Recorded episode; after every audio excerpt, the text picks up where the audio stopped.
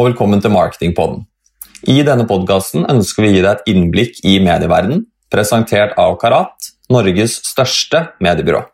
Hei og velkommen til ny episode av Marketingpodden. Jeg, Mats Stangeby, sitter her som vanlig sammen med Simen Smedsberg Kneppe på Teams. Har du det bra i dag, Simen?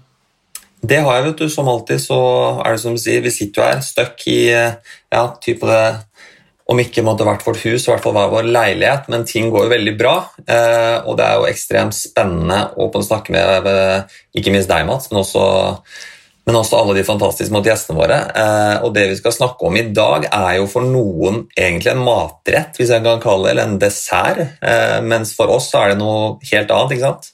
Ja, for oss er det noe helt annet. Og I dag skal vi jo inn i en litt sånn fagtung eh, podkast, og det er jo spennende, så vi får spisse ørene våre, Simen. Eh, vi har fått besøk eh, fra, fra Red, fra Adrien. Velkommen til oss. Jo, takk for det, Mats.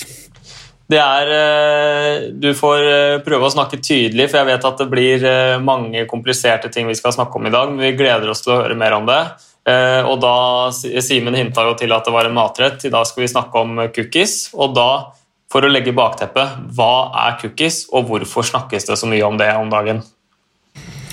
Du, eh, en cookie er eh, noe jeg kunne ha snakket om i flere dager. Eh, vi skal prøve å holde det litt kort her i dag. Men en cookie er rett og slett bare en sporingsfil som lagrer informasjonen om deg selv som bruker på internett.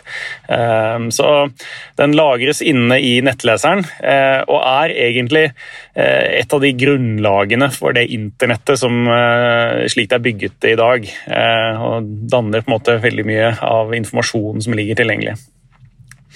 Eh, grunnen til at vi ser så mye om, eller hører så mye om cookies om dagen, er jo at vi er i ferd med å eh, Vi opplever et skifte i, eh, i tech om dagen. Det er store, store endringer som skjer med da cookies, både førsteparts og tredjeparts, som gjør at internett kommer til å se veldig annerledes ut framover. Og dette er et skifte som egentlig startet litt med eh, sannsynligvis eh, Cambridge Analytica-saken. Eh, personvern som begynte å bli viktigere. Eh, og konsekvensen av det var jo eh, en god del lovendringer eh, med da GDPR i spissen, som, som gjorde at tech var nødt til å endre sin, sin virksomhet, og internett var nødt til å, til å forandre seg. da. Mm. Og det er jo typ liksom som sier at det, det her typ, måtte skilles jo på endringer i både tech, men det skilles jo også litt på hvordan både du og jeg eh, har lyst til å bli på truffet på internett, og hvordan vi har lyst til å bruke internett, så kan vi på en eller annen måte si at vi har typ, ødelagt litt for oss selv her. Ja, man kan jo egentlig det. Ehm, personlig så, så syns jeg at det er veldig fint at persondata blir satt i fokus, eh, og at eh, det blir et mer beskyttet internett. Eh, vi har rett og slett sett at persondata kan bli misbrukt. Cambridge Analytica var jo et veldig fint eksempel på det, hvor man ser at samfunnet generelt ikke har noe særlig godt av den utviklingen. Ehm, og Det er jo da det som gjorde at lovverket måtte på plass. Ehm, det som er veldig spesielt i den situasjonen, her, er at vi har, vi har for egentlig aller første gang eh, noensinne hatt et lovverk som har vært frempå eh, selve tech-utviklingen. Så man har satt på plass et lovverk som tech-industrien ikke helt skjønte hvordan de skulle gjøre endringer med. Og man har kommet litt bakpå. Så vil jeg trekke fram Apple, som kanskje har vært en av de store aktørene som tidlig var ute og, eh, og ønsket å beskytte denne persondataen. Eh, og eh, det ble jo på en måte ganske mye styr når ITP kom inn som, teknologi inn i nettleseren til Safari, som gjorde at cookiene sakte, men sikkert, slik de ser ut i dag, var nødt til å på en måte endre seg. Så så generelt så har vi også vært veldig vant til å kunne måle veldig mye. Eh, og eh, jeg vil jo si at eh, man har gravd seg litt ned i en god del sånn performance-KPI-er, som gjør at vi har vært vant til å se på tall som ikke nødvendigvis gir mening. Og veldig mange har, har gravd seg litt ned i konverteringstall og attribusjonsmodeller som, som i det overordnede egentlig ikke gir gir så veldig stor mening. Eh, og, eh, så, så, vi har litt oss selv å takke. Eh, det er, dette kommer som en respons fra en måte, hvordan, hvordan, annonsører har måte, pushet overpersonalisering, da, kanskje. Mm. Og du om, du snakker litt om det med samtykke. og Det er jo, et, det er jo alltid en balanse mellom at forbrukerne gjerne vil ha tilpasset reklame, at de vil ha reklame som treffer deg. Jeg vil ikke ha reklame for ting som ikke interesserer meg. Samtidig så krever jo det at, eh, at man vet ting om de som sitter og ser på disse artiklene. Da. Så Derfor så har jo alle disse samtykke. Alle har vel opplevd det, å gå inn på en nettside og trykke på 'accept all cookies' for eksempel, før man kan gå videre, eller at eh, man får disse samtykke tredd over seg. Hvorfor er det så viktig? Mm. Nei, altså, Samtykkene er, eh, er, eh, noe som er en konsekvens da, av at vi er nødt til å uh, ha mer kontroll på den persondataen. Um, og Vi må ha samtykke for personalisert annonsering slik det ser ut i dag. Um, selv om faktisk mange aktører på, eh, i Norge og i verden for så vidt eh, ikke er flinke nok til å eh, innhente disse samtykkene på, på det som GDPR påtrenger.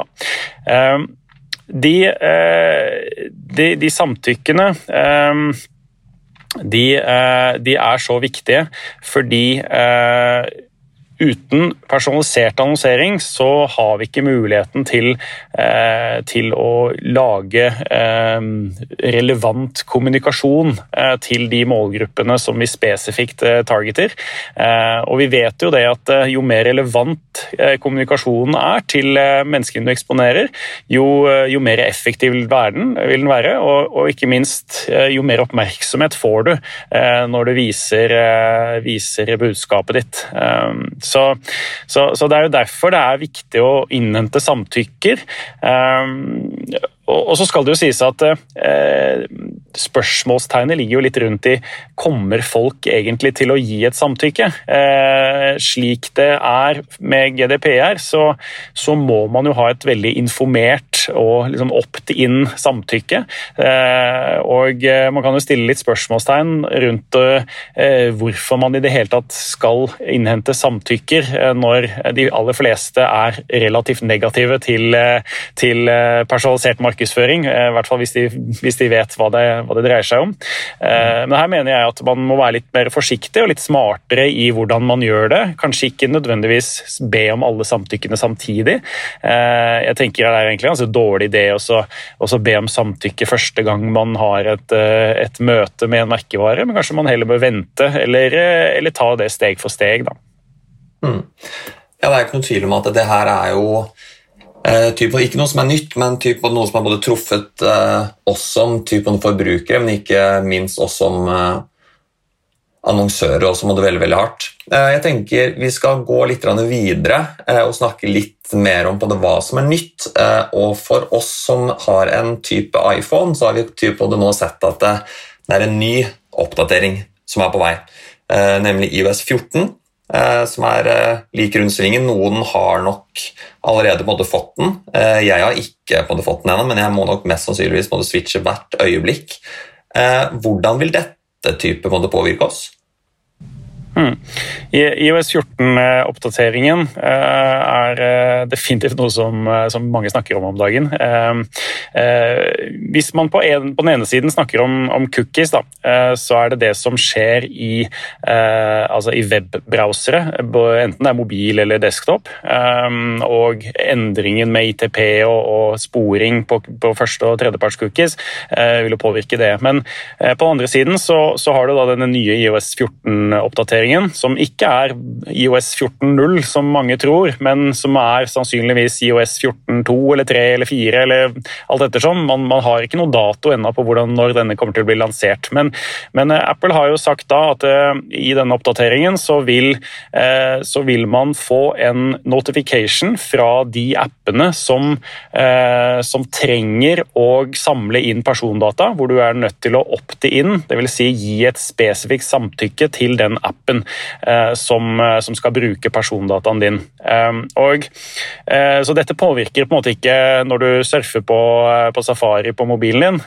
men det påvirker jo da de appene, og mest spesifikt da selvfølgelig Facebook, Instagram, Snapchat, YouTube, som da har native apper. Eh, som er da helt avhengig av å, eh, av å få et eksplisitt samtykke eh, for at man skal kunne, kunne samle inn altså persondata på disse menneskene. Og det, dette er jo selvfølgelig noe som, som, skaper en god del furore og sterke reaksjoner fra, fra, aktørene som jeg akkurat nevnte, som da mener at det, er, det kommer til å bli tøft. Fordi vi kan bare anta anta at eh, det er ganske få som kommer til å gi det samtykket. Eh, og Det betyr jo eh, at vi har mindre sporing, og det, det, det har en del konsekvenser da, i forhold til hvordan vi, vi som annonsør eller som byrå må, må forholde oss til. Mm. Og du snakker jo om de, de, appene som du snakker om her, er jo apper som de fleste har. Som de fleste bruker mye, og som er en stor del av hverdagen til veldig manges skjermtid. Hva er konsekvensen da, hvis denne endringen skjer? Hvis du kan prøve å se inn i glasskula. Mm. Altså, det som er litt interessant her, da, det er jo at eh, den, den, faktiske effekten av markedsføringen din kommer sannsynligvis ikke til å gå ned. Altså, det kommer nok ikke til å ha noen store sånn, forretningsmessige konsekvenser, men eh, den målte effekten kommer til å dale. Eh, det vil si at det kommer til å se ut til at de kanalene som du bruker, eh, spesielt digitalt, kommer til å fungere dårligere enn det du har, eh, det, har gjort før. Og, Det er jo det som er hele poenget med denne endringen her, er at vi kommer til å få som en konsekvens av dette noe mindre kontroll på den digitale kundereisen på tvers av da, kanaler og, og løsninger. Da. Så, så det, det, den opplevde, eh, den opplevde konsekvensen er, eh, er, veldig stor. Eh, og jeg tror at man er nødt til å, ta det ta det inn til seg. At, at det, det, vil bli, det, vil bli, annerledes, da, kan du si. Mm. Mm. Og jeg tenker jo da Litt for typen, oss som mediebyrå, men også for kundene våre, så har jo vi i lang tid på snakket om typen, hvorfor skal man være på typen, Facebook og ikke på Instagram? Hvorfor skal man være på Snapchat? Men litt som du sier nå, at nå vil jo da en del av denne både dataen svekkes uten at den egentlig gjør det. Eh, så hvordan skal da typen, disse teknologigigantene løse dette? Hvordan skal de liksom igjen klare å vise at jo, jo, men vi er fortsatt veldig relevante for deg? Hmm. Det, det, ehm, det ville vært eh, naivt å tro at ikke eh, teknologigigantene hadde jobbet med dette her i mange år. Eh, de er jo veldig flinke til å holde kortene tett til brystet før faktisk, de faktisk er nødt til å, til å, si noe om det. Men dette er jo noe som man har visst om i alle år. Og det kommer jo ikke som en overraskelse hos Facebook eller Google eller Snapchat eller, eller co. Og, men det, det vi ser, da, er at vi er i ferd med å gå inn i en et internett som er mer og mer pålogget, eh, hvor du da er innlogget i ulike tjenester. Eh, dette gjør man jo da eh, veldig, veldig naturlig for å kunne kontrollere mer av kundereisen. Og Du ser jo også at publisister, store publisister all, over verden gir en god del insentiver for å logge deg på. altså bare, bare den, den rakettfarten alle sånn plussaker har hatt i alle ulike medier, eh, er jo, er jo, en konsekvens på det. At man, man ønsker å ha mer innloggede brukere. Eh, og har man mer innloggede brukere, så har man litt andre mekanikk liker å bruke, i, i, tillegg til da cookies da, som, som, er i ferd med å på en måte forsvinne.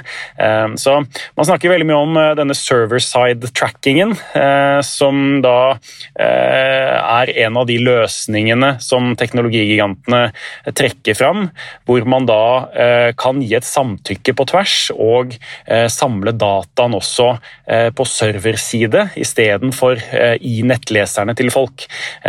Det som er Eh, det, det, det, det, gjør på en måte en situasjon veldig, veldig interessant for, for, de store. og Det er jo det som på en måte har vært litt av kritikken her. det er jo at eh, Hele denne omkjøringen av industrien vår, eller hele den, denne prosessen med, med, privacy first og cookie som forsvinner, vil jo i stor grad gagne de største. Eh, og Det er jo eh, klassisk da at eh, de som har mest data på folk, og de som har har flest innloggede brukere, ehm, de vil jo da også selvfølgelig få en, en fordel. Ehm, eh, og Det er jo derfor publisister ofte også da eh, allierer seg for å få til eh, felles innloggingsløsninger.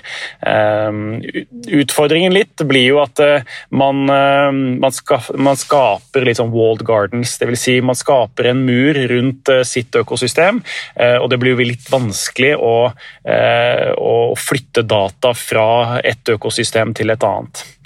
Eh, det andre jeg har lyst til å trekke fram, er på en måte den, den, eh, den overgangen også, hvor vi ser at eh, det er mer fokus på økonometriske modeller, altså probabilistisk data, som vil være mer i fokus, hvor man da istedenfor å for å vite nøyaktig alt om alle brukere, så bruker man da modeller for å, for å fylle inn disse hullene. Da.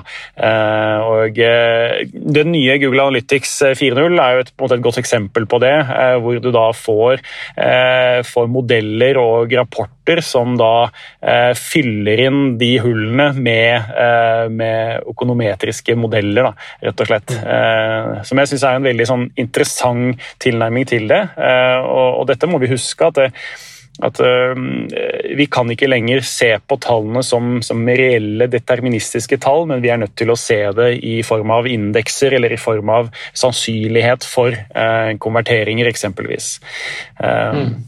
Hvis hvis man, eh, hvis man, var lei av å høre Jeg syns det er veldig morsomt for øvrig. Eh, eh, Google har jo nå lansert sin nye, sin, sin nye løsning for å da lage clustere av mennesker med samme interesser.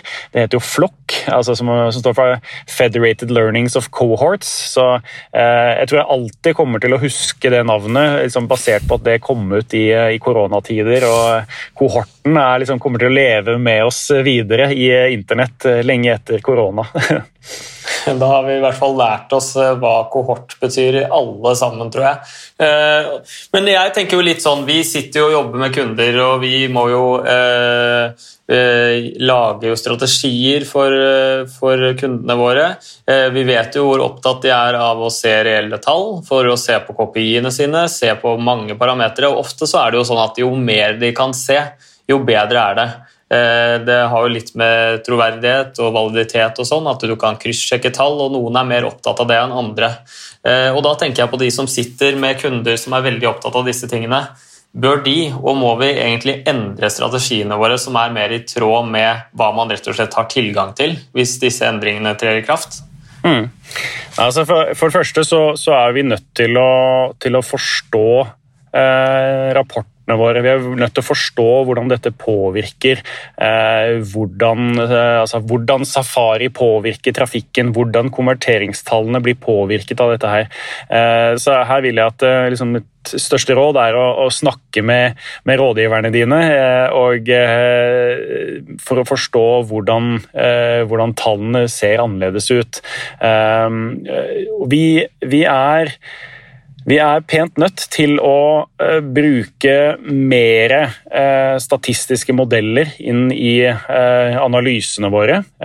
vi er nødt til å se mer overordnet på dette her, og er nødt til å se på dataen på et, på et større perspektiv.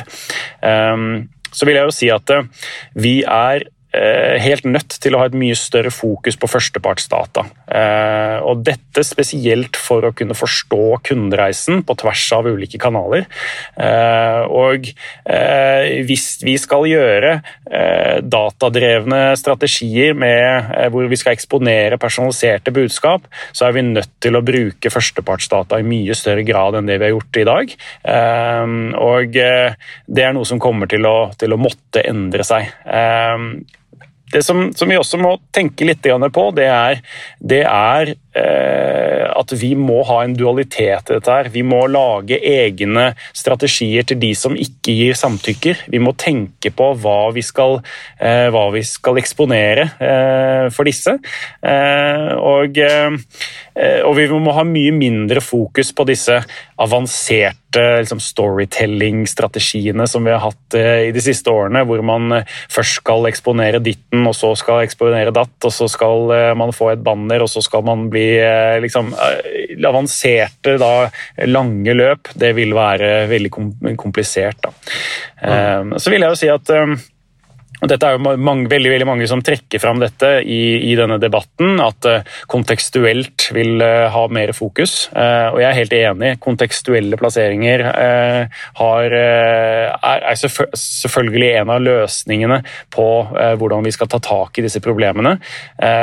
hvor man da får veldig høy oppmerksomhet ved å plassere relevant innhold ved siden av enten et keyword som, som kommer fra en artikkel, men også da spesifikke seksjoner. ikke sant? At du da eh, bruker fotballseksjonen fotballseksjon for å snakke om, eh, om sportsdrikk, ikke sant. Um, så, så det, det, Kontekstuelt eh, har virkelig livets rett, og, og kontekstuelt er, er, noe av det aller viktigste vi gjør eh, som, et, som, et, resultat av dette. Eh, men jeg vil også at man skal huske, huske modus. og det er ikke nødvendigvis sånn at kontekstuelt er den beste løsningen til enhver tid. Eh, når, eh, når en eh, når en eiendomsmegler da, skal, skal, skal få, få, folk til å på en måte, få en verditakst, da, så, så, er det helt fint at du, du, når en fin kontekst av å være på Finn bolig, men det er ikke nødvendigvis modusen du er i når du er på Finn bolig. Eh, ja da, du skal selge boligen din, men når du er på Finn bolig, så skal du jo først og fremst kjøpe, og så tenker man på å selge på et, eh, på et tidspunkt etterpå. Så, så, konteksten er god, men modusen er ikke nødvendigvis alltid perfekt. Da. Så det syns jeg er en interessant tilnærming. Ja, helt, helt, helt enig der. Eh, og jeg tror jeg tror egentlig du har svart på det spørsmålet her, både opp igjennom, men både helt til slutt og både avslutningsvis, egentlig for å sette liksom to streker under svaret. Vil du si at digital annonsering har blitt måte, forandret for alltid? At vi ikke vil måte, kjenne igjen typen annonseringen vi tidligere har gjort? Jeg tror at uh, ting kommer ikke til å være så annerledes enn uh, det det har vært. Jeg trenger ikke du trenger å bekymre deg så veldig. Eh, bortsett fra eh, hvis du ikke har tatt diskusjonen, hvis du ikke har eh, skjønt hva dette dreier seg om. Og det vil også være mer skummelt for, for aktører som da graver seg ned i avanserte retargeting-strategier. Da, da, bør man bekymre seg litt. Men det tror jeg du burde ha gjort lenge før dette skjedde også, for å være helt ærlig. Og fordi hvis hvis du tror at det viktigste du gjør er retargeting, så har du misforstått eh, i, mine, i, mine, øyne. Så, mm. så, dette er en påtvunget endring eh, som er basert på eh, personvernet. Og jeg syns at sånn, på et samfunnsmessig perspektiv så, så, er dette en positiv ting. og, og ja, Eh, for å svare på spørsmålet ditt, det kommer til å forandre internett. Internett kommer til å være annerledes, eh, men eh, jeg ser det en, som en fin mulighet til å, til å, spisse kommunikasjonen enda bedre, til å være smartere i valgene sine og til å tenke mer helhetlig, og ikke grave seg ned i performance-KPI-er som, som vi ikke har noe godt av i det hele tatt. Fantastisk. Og da er det godt å vite, Adrian, at vi har stødige og optimistiske hender som vi kan holde i når det blir skummelt og uforutsigbart. Og da vil jeg jo bare helt til slutt eh, oppfordre alle som sitter nå og er eh, usikre og redde og syns dette var skummelt, at vi har flinke folk i Densu, både i Red og i Karat, som man kan kontakte. Kontakt rådgiveren din hvis du lurer på det her. Eh, så eh, anbefaler vi vel egentlig alle å sette seg ned og ta en prat rundt det her, for det er mye som skal avklares. Og som du sier, Adrian, hvis det ikke er gjort ennå, så bør det definitivt snakkes om nå. Eh, da tenker jeg vi takker for deg, Adrian. Tusen takk for at du kom, og tusen takk for veldig mye god informasjon. Takk selv. Det var veldig hyggelig å være sammen med dere. da snakkes vi neste gang. Ha det bra. Det, vet du. Ha det. Ha det bra.